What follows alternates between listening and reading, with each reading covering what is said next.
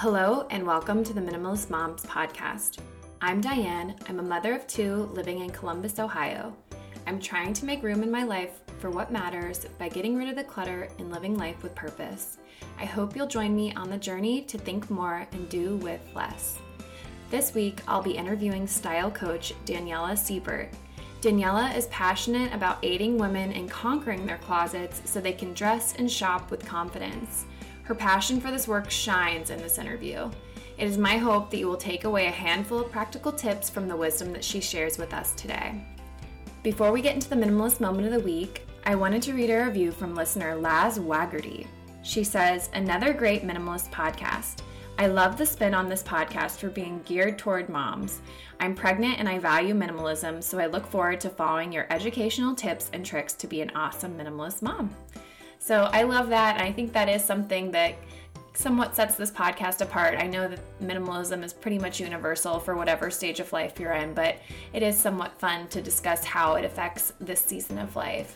So thanks for the review. Now, on to my minimalist moment of the week. So, back on episode 18, Megan walked us through choosing the right quote unquote purse for whatever season of mommyhood that you're currently in. And for me, I finally come to the conclusion that there's just no point in me trying to carry my purse around anymore along with a diaper bag. I'm definitely one of those moms that always forgets to take the diaper bag wherever I go, and I've had to borrow a diaper from moms at the park just a handful of times, but from time to time. And I just need to get it together and get organized. So I decided to put my purse up on Facebook Marketplace. It's always nice to make a few extra dollars and invest in a diaper bag that I love to wear and carry around with me and is practical for this season of life. Now for the minimalist resource of the week. Actually, I wanted to share with you, I know she's about to be on here, but Daniella Siebert's Instagram is at daniela.siebert. It is just a beautiful feed and has encouraging style, beauty, and wellness tips and and long before I decided that I wanted her to come on the podcast, I'd just been following along with the encouragement that she gives. So I highly recommend that you check her out on Instagram. Now for my interview with Daniella. Hi, Daniella. How are you doing this evening? Hi, I'm good. How are you? I'm doing really well. Thank you so much for coming on the podcast tonight. Yeah, it's my pleasure. All right. So I already have introduced everyone, given them a little bit of background information of who you are, but could you just introduce yourself, who you are, where you're from, what do you do for a living? Yeah, my name's Daniella Siebert, and I have a business called Fox and Bloom. I'm from Columbus, Ohio, and part of that business is style coaching. So that's what I do for a living. And I don't know you personally, but I've looked through your social media accounts from afar and I've just thought it was so neat everything that you're doing and condensing wardrobes and being thrifty and minimalist. And so that's why I wanted to have you here with us. So, that said, would you consider yourself a minimalist? I would consider myself an aspiring minimalist. okay um, you know, I'm definitely conscious of what I bring into my home and what I bring into my wardrobe and how much I consume. Uh, that's why I talk about things like creating a wish list before you go shopping and really looking at the quality and longevity of the pieces, uh, specifically related to clothing. Um, one of my favorite metrics or kind of rules of thumb is CPW or cost per wear. And it works hand in hand with the 30 wear rule. If you've heard of that, it's sort of this idea that you should be able to wear something at least 30 times. Ooh. And that you would want to wear it 30 times, but also that it would survive the washing machine 30 times. And uh, cost per wear kind of helps put price in perspective. So you might look at a pair of $200 shoes and feel like that's a lot of money to spend all at once. But let's say you wear them 50 times, that would mean that your cost per wear is what? $4. I'm not great at math. but if you use a pair of shoes 50 times and they fall apart super quickly, maybe your cost per wear is like five or ten dollars. So quality over uh, quantity. Yeah, quality over quantity for sure. So, you know, I don't necessarily um, limit what I purchase or um, ask my style coaching clients to do the same. But what I do is um, I try to give people the tools to be really, really conscious of what they bring in, which is why I talk about things like cost per wear, the 30 wear rule, because um, in effect, it, it does minimalize um, what you what you purchase and what you add to your wardrobe.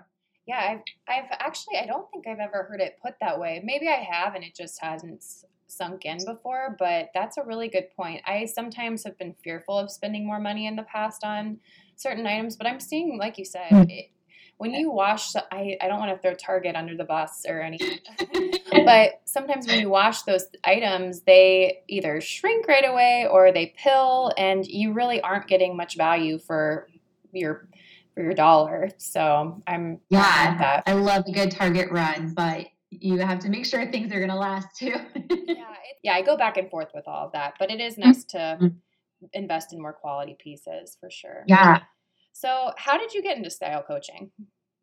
Oh gosh. Well, I I've always been that person that people turn to for style advice, which I think is really flattering. Um, and then I, I just always enjoyed style, almost like a hobby in effect. And I started my blog, Fox and Bloom, a couple years ago, and I really just wanted to take it further. Um, my blog was always about educating and encouraging women when it comes to style. Um, I, I, always feel like it doesn't matter what the five hot trends for fall are if you're completely lost and overwhelmed in your closet. So that wasn't really, you know, even though I was talking about style, that was never really the direction I took it. I wanted to, like I said, educate and encourage women who felt really, really lost when they were getting dressed in the morning. So, what I write is really centered around teaching and lifting women up and so they understand that they're not alone in the ways that they struggle with clothing and shopping. I think that there's this misperception that women are just inherently good at style and they love fashion and they love shopping and I found that for the most part that's really just not true. Mm-hmm. So I started style coaching as a way to structure all of this guidance that I was giving on the blog and make it into more of a one on one experience. Mm-hmm. So that's why I don't really consider myself a blogger anymore because the, the blog is sort of part of what I do, but what I really enjoy is working with women more personally. Um, it's been incredibly impactful on my life and it's been really, really amazing to see how it changes the lives of other women when they have this confidence that they just didn't even know that they could have when they get dressed in the morning. Mm-hmm. I like how it's organically shifted into this thing that you it's always nice to help people, I guess, in what we're doing for a living. So Oh my gosh, yeah. Yes. Yes. So would you say that this method of closet building, quote unquote, is minimalist? Well, like I was saying, I, I think of it more as being very conscious mm-hmm. of what you're adding. I feel pretty strongly that everything that comes into your closet should have a job and be able to be worn multiple ways. I really urge women never to buy something just because it's on sale or never to buy something that you don't love in the dressing room because if you don't love it in the dressing room, you're absolutely not going to love it when it comes home with you. Mm-hmm.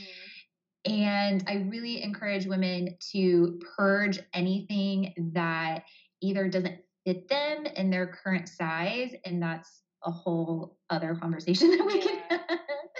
um, and also things that don't fit her specific criteria. I have an ebook where I talk about this a lot that really helps women sort of set forth the specific criteria for them and what they feel great in, what they're going to look great in, feel super confident in. And so, um, what I love about having that criteria, it's kind of it's almost a checklist for every piece in your closet. Um, what I love about having that criteria is you know if something doesn't fit into it, then it, it doesn't have a place in your closet. Mm-hmm. So when it comes to building a minimalist closet, I think that it's it's less about quantity and more about making sure that everything in there actually has a purpose that you actually wear it and that you feel really really good in it mm-hmm.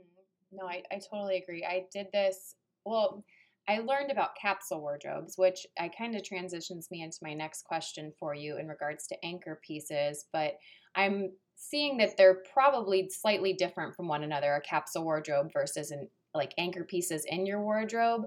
But when I first mm-hmm. started learning about a capsule, I've still not done that. And it's been three years into this, almost three years into the podcast since I've really learned about it. I just can't condense that far. But just to really love everything that's in your closet and know that it looks good on you, it makes getting ready so much easier. So I I guess my question for you is is a capsule wardrobe different than having a closet full of anchor pieces? That's a great question. Um, I would say that they they sort of intersect. They're super similar.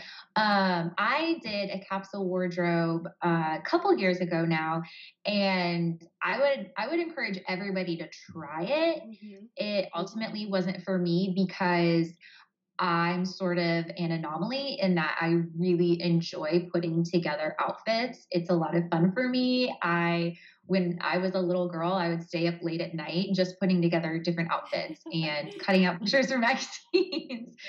so um, I I enjoy having a lot of options and it doesn't overwhelm me. Mm-hmm. But what I did really get out of my capsule wardrobe was that when I was forced to pare it down to only the things that I felt amazing in, I was really surprised by what I had left.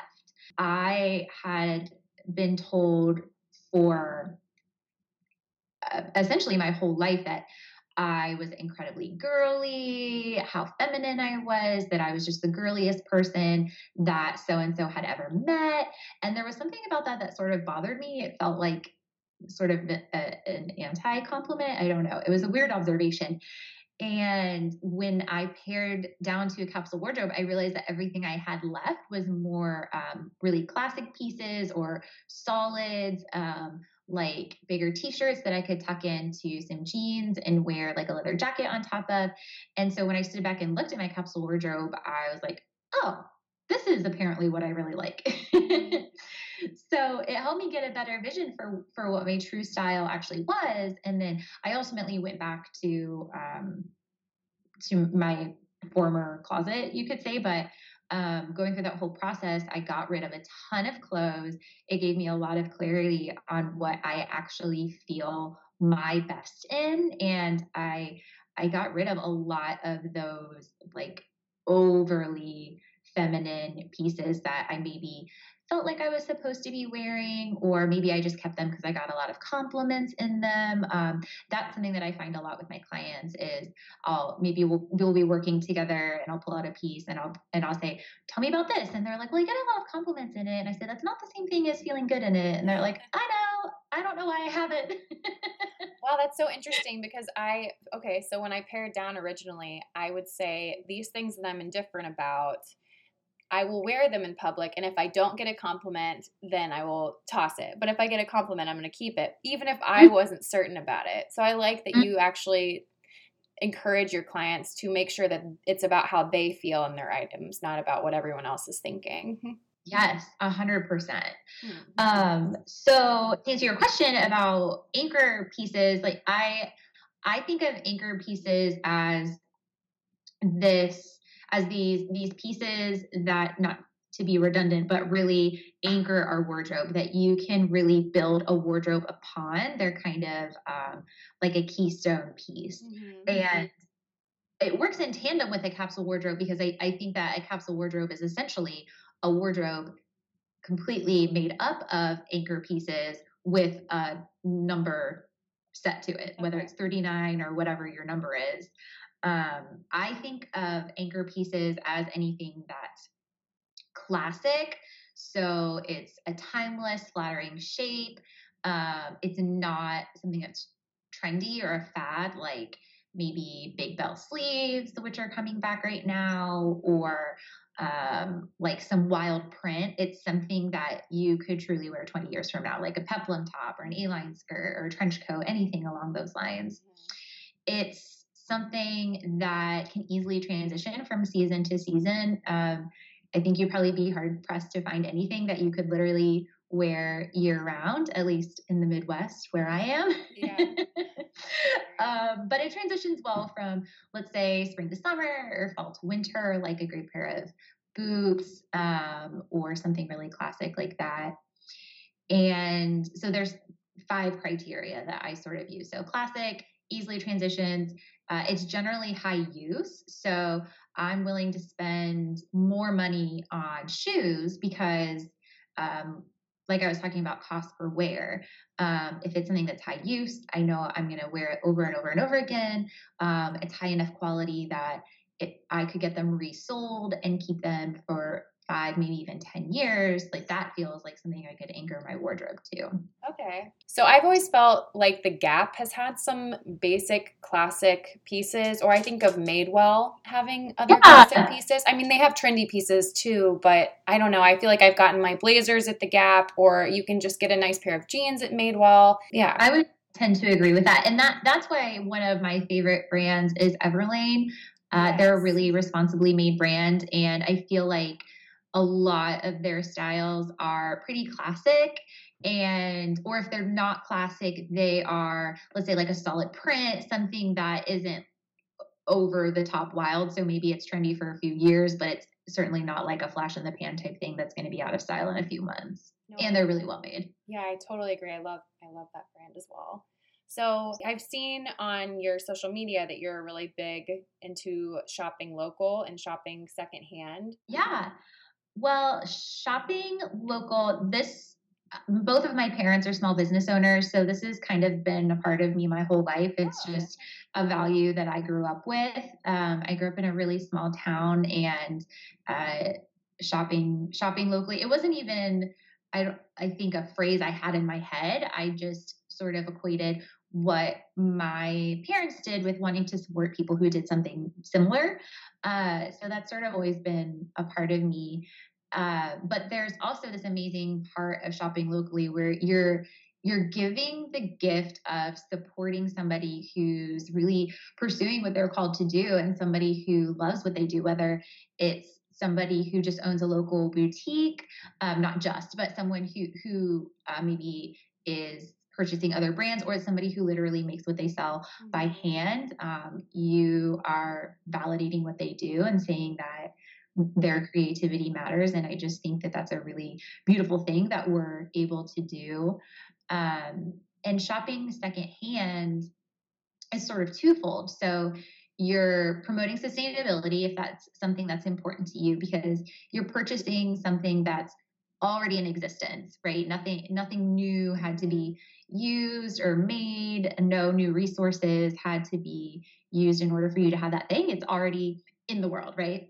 right. Um, and lots of secondhand stores like Volunteers of America or um, Goodwill, they're nonprofits. They support people in need, they support veterans. And so, you know, one of my favorite things about buying clothing is that you vote with your dollars. Like we by virtue of us not being able to run around naked, we we all have to spend money on clothes. Mm-hmm. And so we can choose to make an impact with where where we spend our dollars on the clothes that we have to wear anyway. Mm-hmm. So I, I, guess there are various qualities too of like you might find some higher quality pieces at a consignment shop versus Goodwill or Volunteers of America. Definitely, definitely. Yeah, I love shopping at more at consignment shops too. I found some really good stuff. And um, there's what I have found too is that a lot of times consignment stores have a great range. So maybe you'll find I've bought like a brand new Madewell sweater at consignment, but then they might also have like Louis Vuitton. You just never really know what you're going to find. So I think that those are a really prime spot. Yeah, I agree. And I mentioned the difference because I know some people are hesitant to want to go into certain stores, which yeah. I mean, hey man, don't knock it till you try it. You can find some really great deals.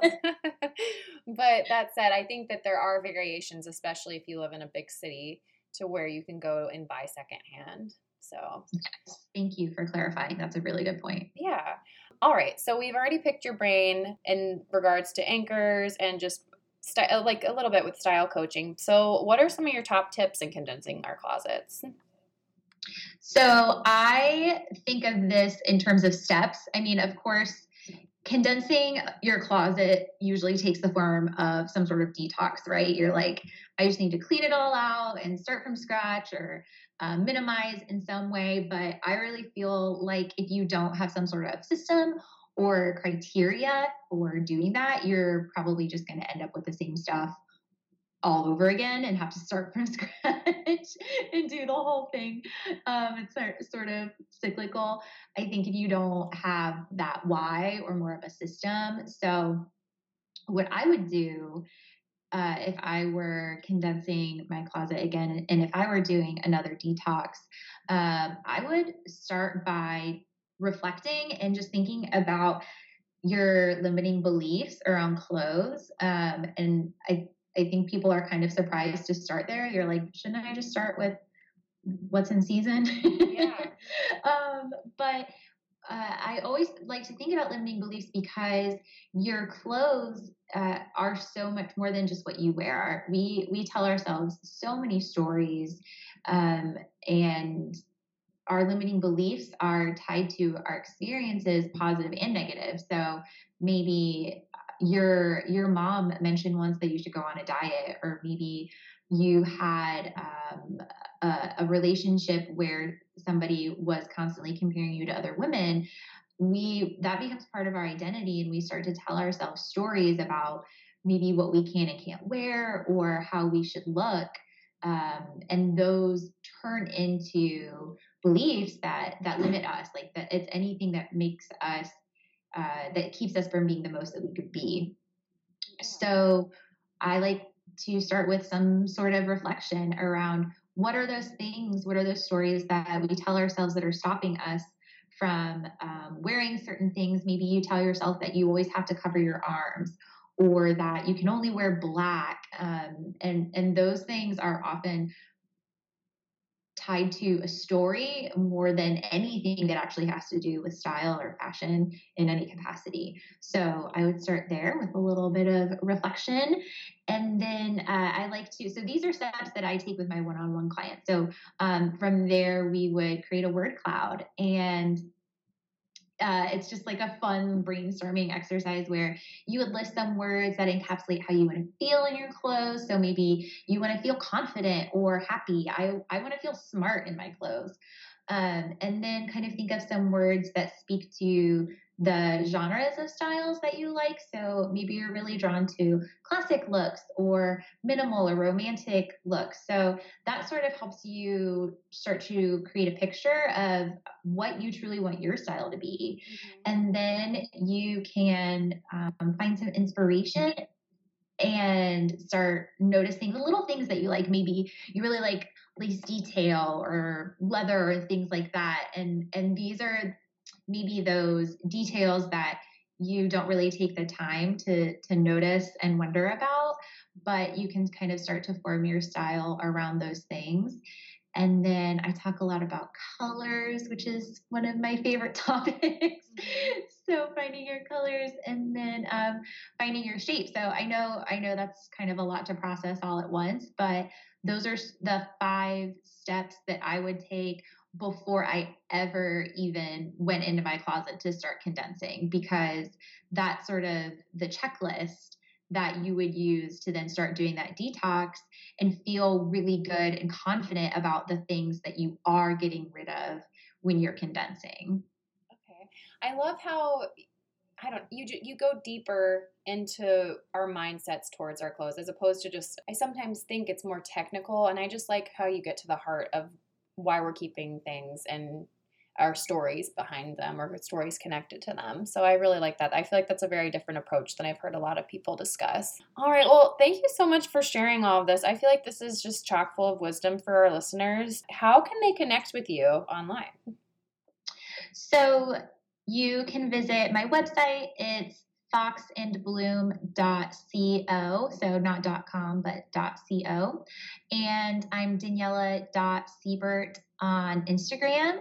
And I will actually be coming out with a course at the end of March called uh, Conquer Your Closet. And it's an online self paced course that talks about some of the things that I've talked about today and just goes really, really deep and sort of mirrors what I teach in my one on one sessions. So keep a lookout for that. Great. Well, thank you for sharing all of that with us. And I highly encourage everyone to go over to your Instagram feed because it's just beautiful. And you have beautiful red hair, which I'm a redhead too, but your hair is just fabulous. Thank you. Yeah. Well, thank you so much for everything that you shared with us. I really appreciate it. Thanks so much. Guys, wasn't she just lovely? I so enjoyed chatting with Daniella, and I hope you enjoyed the interview. I invite you to keep the conversation going by visiting minimalistmomspodcast.com. There, you'll find links to the Facebook, Instagram, and where you can find me all around the web. Thank you for joining up on this journey. I wish you a lovely week as you think more and do with less.